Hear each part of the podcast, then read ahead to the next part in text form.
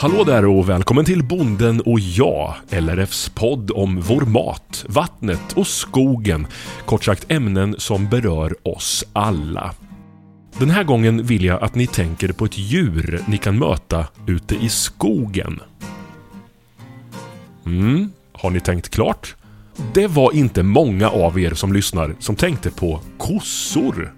Men hemma hos Anna Jameson i Malexander, där är det inte alls ovanligt. Här går korna fritt bland stock och sten.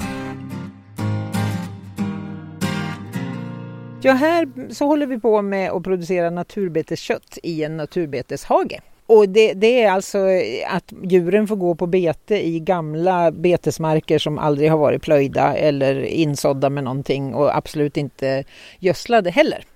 Och, och, då är de, ligger de ofta så här ute i skogen en, en, vid någon gammal gård som kanske inte har varit eh, gård på ett tag till och med. Jag skulle säga det, vi står nu jättevackert ute i skogen. Det är ett hus och det är en lada men hur vet du var djuren är? För tittar vi ut här då är det bara träd. Ja precis, men nu såg jag ju eh, bonde sedan gud vet hur många år tillbaka så jag har ju redan sett dem i ena ögonvrån så jag vet precis var de är nere i kanten. Men det är ju, det här är ett, precis ett av de saker som, som du sätter tryck på faktiskt, att det tar tid att åka runt och titta till sina djur. För det här är inte vår enda beteshage utan vi har ju djur på fler ställen. Och, så att man, man, eh, det, det, är ju så att per lag så ska du titta till djuren en gång om dagen och det vill man ju som bonde också men det, det tar sin tid. Ja, hur stora marker är det det rör sig om här? Ja, här är, just den här follan som vi står vid nu är inte mer än, än 5-6 hektar så den, den springer man ju av ganska snabbt. Men, men eh, totalt sett så har vi väl 30 hektar naturbetesmark. Ja, jag skrattar lite för att det känns ju som att det där är inga problem säger du men det där kräver ju sin kondition. Alltså, hur går det till om du skulle ge dig ut här nu och leta lite efter kossorna? Ja, dels så skulle jag kunna köra med ett trick då fast det ska vi inte göra för då får radiolyssnarna ont i huvudet för jag kan kula, jag kan ropa på dem. Nej men skojar du nu? Nej. men ska vi inte kula lite? Ja, fast är det på allvar? Ja det är på allvar. Det, det, jag, jag visste inte själv att det var det jag gjorde tills jag gick på kurs och skulle lära mig kula och insåg att ja men shit det där är ju alltid ropa på hästarna på det där sättet. Så att... Du kom på det själv? det var inget nytt, ja precis. Hur fasen kom du på det? Nej men det ligger rätt i rösten. Jag är ju norrlänning också så jag har väl sådana gener kanske. Och dalkulla finns det också med. Så om du skulle ställa det här vid staketet nu och börja kula, vad händer då? Ja, förhoppningsvis kommer de. Nu är det bara det yngre gänget kvar. När jag hade de äldre kvigorna i den här hagen tills för en vecka sedan, de kom alltid när jag ropade. De här små eh, får vi se om det funkar. Kan vi inte prova? Jo, men det kan vi. Ja! Jag men då inte. får du stå en bit ifrån, ja, för det behöver, kommer att bli högt. Behöver du ett visst utrymme här ja, nu eller? Då ställer du dig där, säg till innan du börjar för det här ska bli intressant. Du står här, stadigt förankrad. Stadigt förankrad ja. med bägge fötterna och så ska vi ta lite magstöd. Mm, någon meter till staketet. Ja. Hur långt säkerhetsavstånd? Ja, det blir bra där borta. Det blir här borta någonstans ja. Okej, okay, då ska vi se. Okay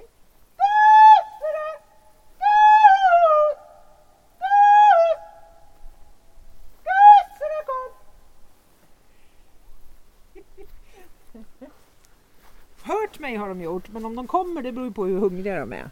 Jag och dottern anmälde oss till en kurs, för hon är väldigt duktig sångerska och det är inte jag. Eh, och, och, där vi skulle träna och kula helt enkelt. Och, och då hos en tjej här borta, Anna Heldorf i Svalsjö. Och, och då, då, insåg jag att ja, men det är det där jag gör, lägga upp rösten högt och, och klämma i av bara tusan. För kula, det är en gammal sån hedlig tradition va? Ja, det var ju det fäbodstinterna gjorde. Dels för att ropa på djuren men också för att kommunicera med, eh, med varann faktiskt. Mellan de olika fäbodarna. För att det, var ju, det fanns inga mobiltelefoner på den tiden. Ja just det, och den där frekvensen hörs över ja, bergen och bort ja, Vi får se ifall de kommer. Men vi kan gå in här vet du, de är inte farliga. Jaha, nu ska vi gå in också här. Kan du kula bort dem också ifall det skulle bli otäckt? Däremot så ska vi inte få för mycket stötar i kroppen för nu vi, går vi över elstängsel. Elstängsel. Men du är ju långben. Ja, jag är långben. Det här bör funka bra. Mm, sådär ja. Nu är vi inne i hagen. Ja. Naturbeteskött. Nu står vi här inne i hagen och det är ju kuperat och det är träd och det är stenar. Det är inte liksom så jättesnäll miljö om man bara tänker jag tar en tur. Utan här krävs det sin kondition kände jag. Ja, men det, det, är ju precis det här, de här stenarna du pratar om, det är ju stenrösen som alltså har röjts. Vi kan gå hit bort så ska du få se något. det här ser du blir som en liten mera gräsmatteliknande bit här. Ja, här var det lite mer, Ja. ser klippt ut nästan. Och det, det, det är inte vi utan det är korna som har klippt. Men det du ser är en gammal åker. Den är kanske 2,5-3 meter bred och en 10-15 meter lång. Ja. Och, och det var det här man fick hålla till godo med förr. Och mycket av våra naturbetesmarker idag, de var ju åker för länge sedan. Och du ser stenarna där borta. Det är ju det bönderna genom generationer har öst upp ur den här backen för att kunna plöja och sådär. Hur känns det att bruka den här marken? Nej men det är lite vördnad faktiskt. När man vet att det är så lång historia bakåt. Och, och det, det är ju det vi säger att det här är ett kulturarv. Ett levande kulturarv att hålla på med det här. Titta, nu kommer de. Nej men det är ju inte sant. Eller det är klart det är. Ja. Det, förlåt. Det, Och de svarar också. nej men de svarar med. Ja. Du fick dem att komma hit. Jajamän! Men nu känner jag att då tänker de vad ville du? Och så står vi här och Ja, drill något. jo, jo precis, men de, de, är- jag tycker det ser ut som att de är på väg bort och tittar om det är något vatten i, i, i vattenkaret. Så att, eh, Ja, detta är ju magiskt. ja. Har du ingen godisbit de kan få? Nej, nej, de, de får inga godisbitar. De, det är ju deras jobb att hålla efter det här betet också. Så att eh, det är ju det de gör. Hej Ja. tjejer! Ja. Nu kommer de Ja. närmare. Så det, det är ingen fara Mattias, du- jag, jag beskyddar dig. Ja, det är du som har kontrollen nu Ja, jag lite. Så nu har vi lilla Koko, lilla Blomma, lilla Frida och så har vi en som vi inte har något namn på. Eh, och, eh, faktum är att jag tror att de undrar lite var de stora tjejerna är för de åkte Mm. ju Då kanske vem jag är för nu är de tre meter ifrån mig. Vad vill de nu? Vad ska jag göra? Nej, de är nyfikna. Kvigor är så här. De har ju liksom, de är ju tonårstjejer de här. Så de, de tycker det är spännande när det händer något. Gud vad mysigt. Ni bara kommer här på det Ja. där kommandot. Ja, jag är helt tagen. Ja, Ni får jättegärna vara med i intervjun här. ja de sa något. Lägger i, ropa till om ni känner någonting att ni vill bidra med någonting. För, för om man ska vara lite allvarlig då och lite bondeaktig också så är det ju faktiskt så att, att vi skickade alltså det äldre gänget och de var ju två och ett halvt år gamla då Ja. till slakt eh, för lite drygt en vecka sedan. Och det är ju alltid en, en tuff dag. Det, det är inte roligt för har man haft ett djur i, i två och ett halvt Mm. år så känner man dem. Men de kommer ju nu alltså att få vara med och serveras till skolbarn och äldre i Söderköpings kommun. Och, och det tycker jag känns som ett fint och värdigt slut på en, en god yrkeskarriär som de här djuren har haft. Då. De har skött naturbeten, de, de har hållit det här vid liv, den här miljön och sen så kommer de alltså att, att gå till våra barn och gamla som en väldigt näringsrik kost. Mm. Om du skulle beskriva för de som inte alls har en aning skillnaden på det här med naturbetesköttet och en så kallad vanlig konventionell eh, Köttuppfödning. köttuppfödare. Ja, och då, då är det ju kanske alltså främst marken de går på. Därför att, att gå och beta på sådana här marker, det, det, då tar det tid att växa färdigt. För, för det, man, man växer långsammare. Många andra nötkreatur som blir till kött står inne. Eh, må, många som blir till kött är alltså tjurar som då kanske går med sina mammor första sommaren ute på bete men som sen står på stall fram tills de blir slaktfärdiga.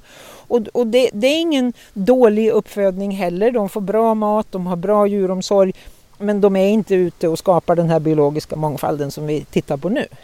Gör du någonting med markerna själv? Får du liksom gå in och göra någonting, om hjälpa du, till? Ja, om du ser buskar som det lite ettårskvistar som står där. De, om inte kvigorna tuggar i sig dem, fast hon höll ju på med en alldeles nyss faktiskt, eh, så måste vi ut med röjsågen. Så det är ett stort jobb för en naturbetesbonde och, och det gör inte jag själv utan det gör min man Ian. Han är faktiskt håller på med det på ett annat ställe precis nu när vi pratar. Så det är liksom, han han brukar säga ja, jag kör mitt träningspass. Det är en och en halv, två timmar med röjsågen varje dag för då, då, då räcker han till. Då, då hinner han med.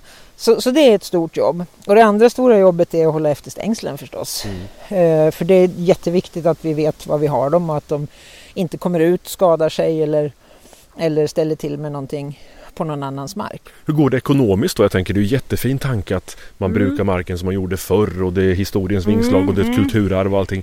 Men du är ju också företagare. Precis, och, och då är det ju väldigt viktigt att man får lite mer betalt för det här köttet. Och det är det vi jobbar med i det här projektet Naturbeteskött från Östergötland. Att skapa den marknaden så att de bönder som föder upp djur så här kan få mer betalt.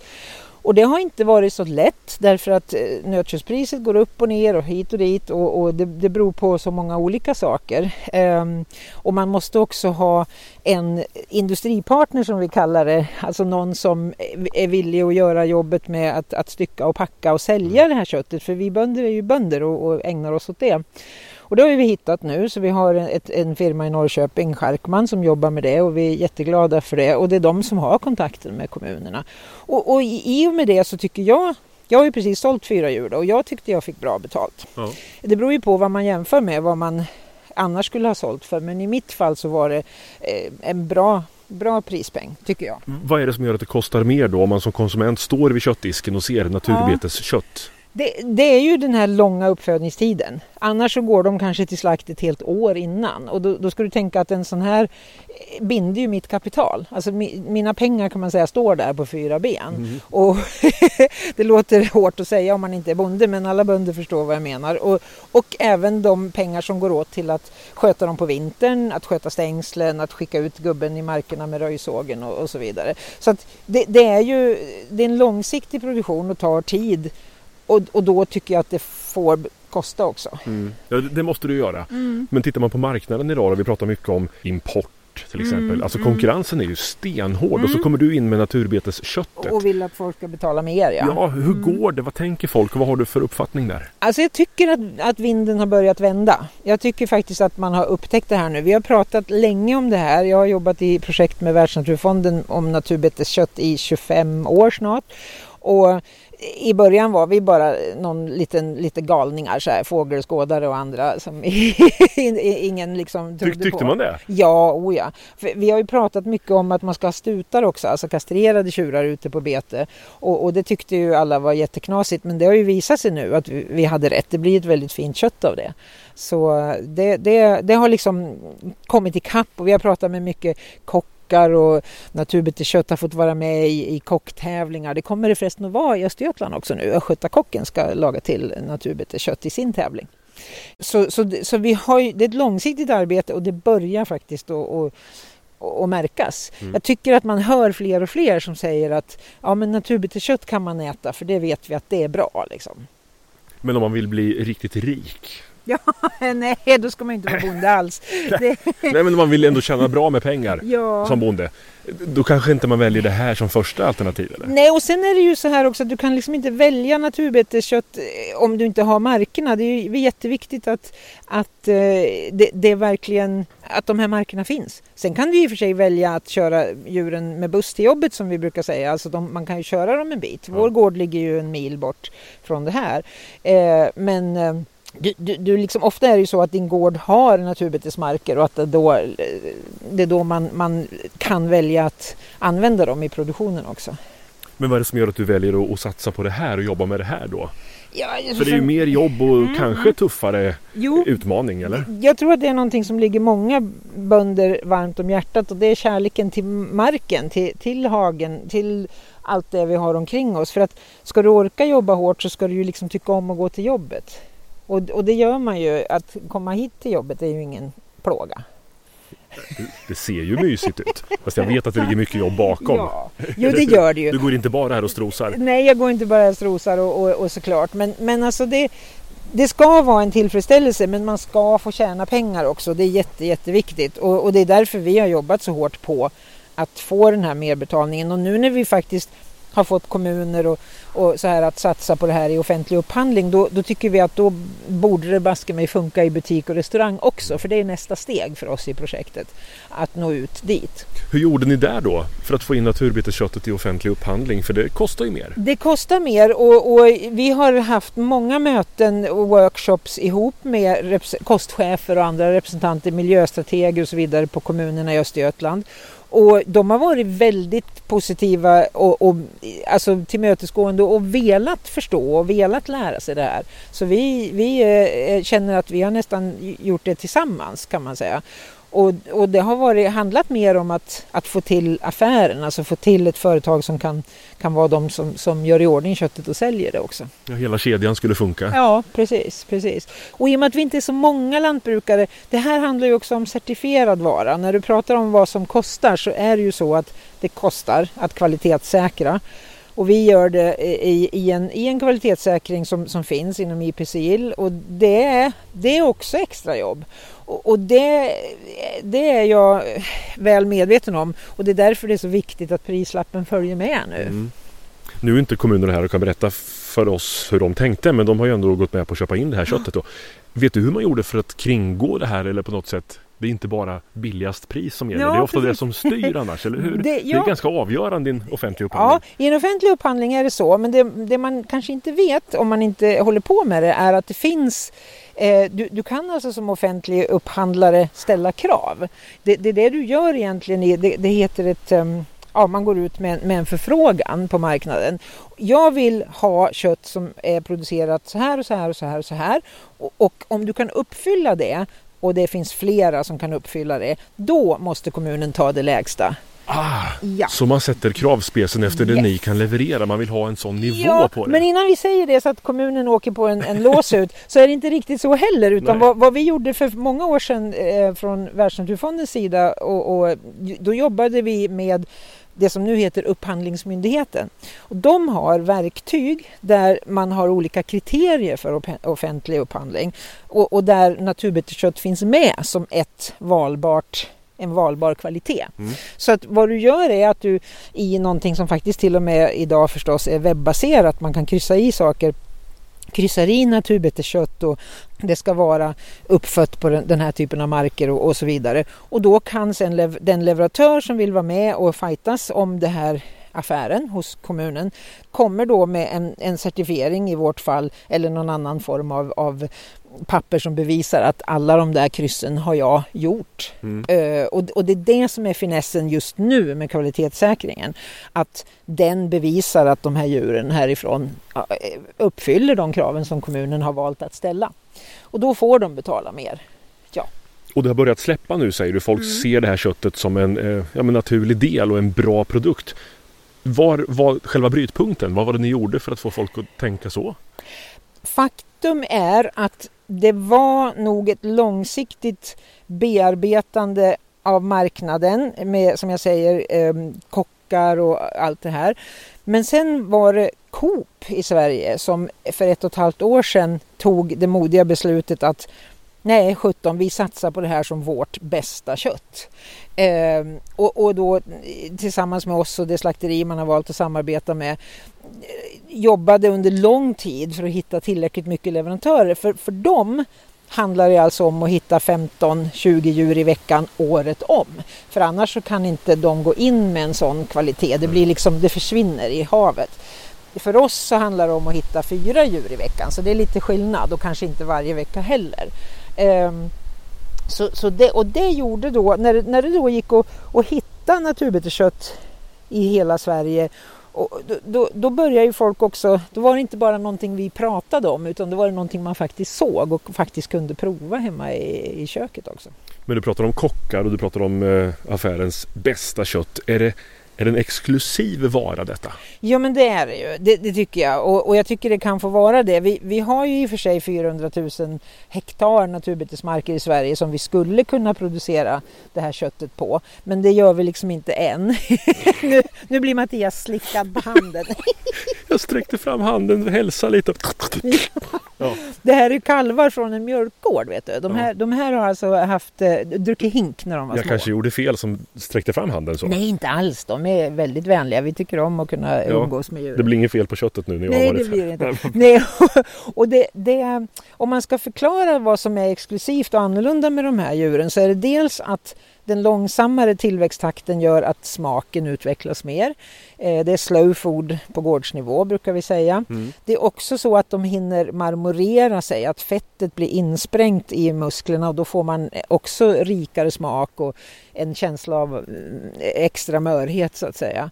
Ehm, och sen är det det här med att i naturbeteskött så är det faktiskt bara stutar eller kvigor eller ungkor. Alltså inga tjurar. Och det, det, är inget fel på tjurköttet men det är ofta ganska snabbt uppvuxet på, på en, e, en annan foderstat och då vi får en rikare smak i de här helt enkelt. Vet du vart det upphandlade köttet tar vägen? Om det nu är en exklusiv vara. Det känns inte som att kommuner och de riktigt köper in så mycket exklusivt eller? Att det är deras grej? Ja men det kanske är det. Just den här kommunen som, som börjar hela det här äventyret nu. Där har de en kostchef som tycker att man ska faktiskt kunna erbjuda exklusiv mat även i offentlig eh, kök. Den får naturligtvis inte spräcka budgeten men då, utan då, då serverar man lite mindre kött. Eh, kan jag tänka mig. Mm. Eh, per, per portion så att säga. Och, och, och det är så man tyck, jag tycker man kan tänka hemma också. Att köpa ett dyrt kött som du är stolt över och se till att ingen slänger något. Och då har du råd att betala lite mer och, och när alla äter upp, tänker jag. Vilka verksamheter ser du som konkurrenter till din uppfödning?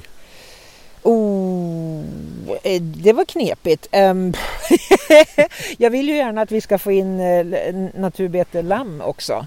Det, det, så det, men det, för mig själv är det ingen konkurrens. Jag producerar det också. Det gör nog många på de här markerna. Nej men inom köttvärlden egentligen ingenting.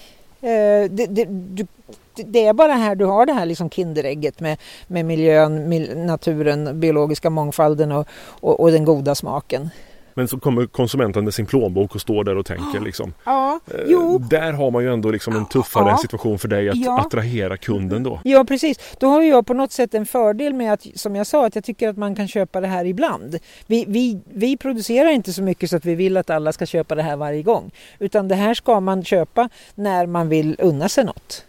Tycker jag. Så det här är inte en framtid att så här ska alla hålla på i framtiden jo, och släppa ut sina djur naturbetes jo, eller vad är tanken? Jo då, men alltså så många som möjligt och det finns massor med mark kvar som man kan restaurera. Det har vi en, en folla på 5-6 eh, hektar bara här uppe en bit till bort där vi alltså återtar betesmark ur, som har varit skogsplanterad i 40 år. Så det finns mer mark och visst, visst skulle vi kunna producera mer sånt här men alltså än så länge är det en, det är en liten eh, nisch än så länge. Men vad spännande, en mark som har varit skogsmark ja. som ni ska restaurera. Ja. Eller det är ni det är som ska... Ni som. Det är ni Kosamu 1433, det är ni som ska restaurera skogen. Hur ska de göra det? Jo, det är för att när man har huggit bort träden eh, och tagit bort riset då, är, blir man, då ser man direkt kvittot på att man har valt rätt plats för då kommer gräset och örterna snabbt. Och, och det här slyet, de här buskarna med löv på. Och då måste vi tillsammans med, med betesgänget se till att, att trycka ner det så att de riktigt små och fina örterna också får komma fram. För annars blir det bara långt gräs, då, då blir det bara gräs. Ja. Då, då får du inga örter och blommor och sånt. Alltså en dum fråga. Men, men klövar och sådär, är de bra på att gå bland stenar och ja. i skog? Och... Det är ju snarare så att det är bättre för dem att gå så här än att, att, att stå på bara mjuk mark. Vi har hittills inte behövt peppar peppar ta i trä klövverka ett enda ungdjur. Därför att de sliter ju, de klättrar ju. De sliter ner sina klövar naturligt. Naturligt ja. ja. De är nyfikna här nu. De är väldigt nyfikna. Och det här betyder att de är mätta. De behöver inte äta mer idag utan de vill ha lite underhållning. Och då tänker ni att jag skulle stå för den underhållningen? Vill ni säga något? Vi sträcker fram mikrofonen får vi se. Ja, den var läskig. Ja, det var inte så himla intressant. Nej, det, nej den såg inte ut som någonting roligt tydligen. Men de är lite lekfulla och sådär? Ja, oh ja det är de. Och, och de kan springa och skutta och hoppa och, och ha roligt. Det, det, ser man att de gör. De går ju på bete länge de här därför att de har ju som sagt ett jobb att göra och, och då får de vara ute och beta så länge det går. Sen så kommer de hem till oss och hemma hos oss är de faktiskt ute på vintern också fast med ligghall. Men det är, inte, det är inget krav för den här uppfödningsformen. Det bara är så hemma hos oss för att våra byggnader inte passar för att ha nöt inne. Så, så de här är egentligen ute jämt. De är ute jämt? Ja. Och, och i, i, kvalitetssäkringen så står det att man ska ha borstar och klia sig på men det fick jag reda på när jag gjorde certifieringen att det räcker med träd och eftersom de har trädstammar i alla sina hagar behöver de inte ha några borstar att klia sig på. Nej det känns ju lite mer normalt, ja. naturligt eller hur? ja, men Ett precis. träd än en borste. Ja precis men, men kor älskar de där borstarna de får ha inne också så att det, det, det har man ju sett är väldigt uppskattat. Det är en fantastisk känsla. Vi står alltså i skogen. Det är träd olika sorter. Jag ska inte gå in på vilka träd det är för då kan det bli fel. Men vad gör kossorna för nytta här? Om vi tittar ut här nu så är det ju ja, men det betat här. Man ser att det är lite ja. lägre gräs och så tittar man ner. Det är mycket sten, ganska ja, ojämn kollar mark. här då. Ja, nu ska vi se.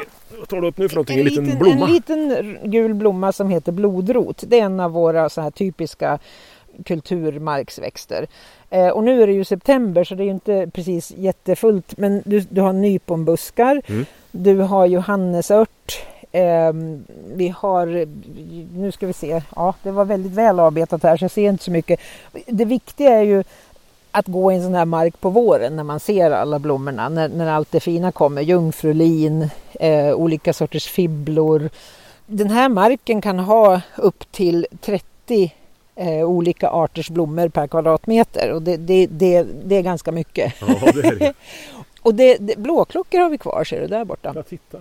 Eh, men det, och, och, det viktiga är alltså att djuren betar bort det här långa gräset som man ser lite grann här och var. Så att sol kommer ner och också så att marken inte blir så näringsrik för det, det passar inte de här små örterna. De vill ha ganska karg. Det finns blad av eh, gullviva i där borta Just också. Det, ja, ja. Ja. Så den betande mulen för miljöns skull och den Oh, biologiska ja. mångfalden? Ja, det, det, det, är ju, det är ju det som är ursprunget. Ibland glömmer man bort att prata om det för att det är så självklart för mig och för oss som är i den här branschen. Men det är det som är grunden till det här. Och då är det inte bara blommorna vi ser utan då är det insekter. Om man tittar på koblajorna här Ja. Så ser du att det inte är så mycket kvar av dem längre. Och titta på den där borta. Nej, det är ju bara som en liten sånt tunt lager. Ja, och det är för att där i har flugor lagt eh, sina larver och så har de eh, varit, ja, växt till där i någon dag eller två för det går så fort. Och sen kommer fåglarna och plockar larverna och då blir det liksom inte så mycket skit kvar. Är det så här det var tänkt från början tror du? Med den som jag. uppfann vem det nu var? Ja, den som uppfann naturen tänkte säkert så här. Och, och sen då insekterna, då kommer man vidare till de som äter insekterna och det är ju fåglarna. Så att i den här typen av mark har vi också väldigt många rödlistade fåglar som är speciella.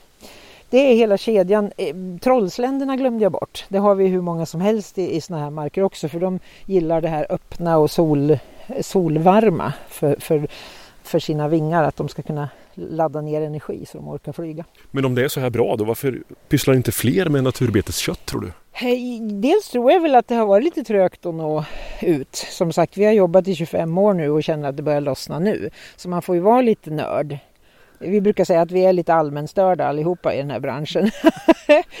Så, Men det krävs kanske att ha sådana också. ja men det gör det. Som drar. Ja, som drar och orkar gå före och som envisas. eh, Så, så absolut. Vi, vi, eh, Vad får ni för mothugg? Ja, dels kan man se det här med klimatdebatten på flera sätt. Jag ser den här marken som en kolsänka för att den inte plöjs. Så att här, här hålls kolet som går ner i backen i rötterna kvar. Men andra kan tänka tvärtom och tänka att ja, men du sa att dina djur blir två och ett halvt år gamla Anna. Då har de ju faktiskt rapat en hel del metan. Hur ser jag på det? Och, och det, det gör jag på det viset att jag har valt att se där metan de rapar som att det ingår i ett kretslopp. Eh, det bryts ner och att det som lagras ner i marken är, är viktigare. Men, men det finns många olika sätt att se på det där så att det, det får vi absolut mothugg på. Man kan också då ur ekonomisk synvinkel säga att det tar för lång tid eh, att ha pengarna bundna så här länge i, i sina djur. Att, att det skulle vara bättre för gården och, och låta dem födas upp mer intensivt. Mm. Mm. Hur många naturbetesköttsproducenter finns det i Sverige? Oh, Ehm, det beror ju på hur man definierar det. Jag tror det finns väldigt många som har djur på naturbetesmark men som inte säljer sitt kött som naturbeteskött. Och det är synd för de skulle liksom, jag tror att de är stolta över det de också. Det är bara att de inte har haft chansen att komma fram. Så, så idag certifierade uppfödare är vi 2025 tror jag bara i Sverige. Ehm, medlemmar i min förening är vi väl snart ett hundratal. Men det finns massor med folk som skulle kunna vara med. Ja, men jag vill ju att mina djur ska må bra och när man ser dem stå så här i solen och vara mätta och glada och ha varann och de kan välja var de vill gå och lägga sig och de kan gå, ja, välja vad de vill äta just nu. Då känns det som att de har det bästa liv de kan få. Vad ser du för framtid nu då som naturkötts naturköttsproducent? Ja, men nu hoppas jag att fler hoppar på tåget. Jätteviktigt att fler lantbrukare känner att ja, det här vill jag vara med på. Så att vi kan möta den här efterfrågan. Och då tror jag att det här kommer att bli en del av svensk nötköttsproduktion som vi är stolta över och inte bara någonting som några små skogsbönder håller på med. För det finns en sån efterfrågan säger du. Om man drar igång det här då finns det en marknad. Det finns en marknad, det gör det absolut. Eh, det gäller bara att, att, att få till den där balansen mellan djur in och kunder som eh, vill ta emot det. Du har lyssnat till Bonden och jag, en poddradioserie från LRF. För mer intressanta ämnen och avsnitt, klicka dig bara vidare. Mitt namn är Mattias Lindholm och jag är programledare och producent för den här serien. Hoppas att vi hörs snart igen.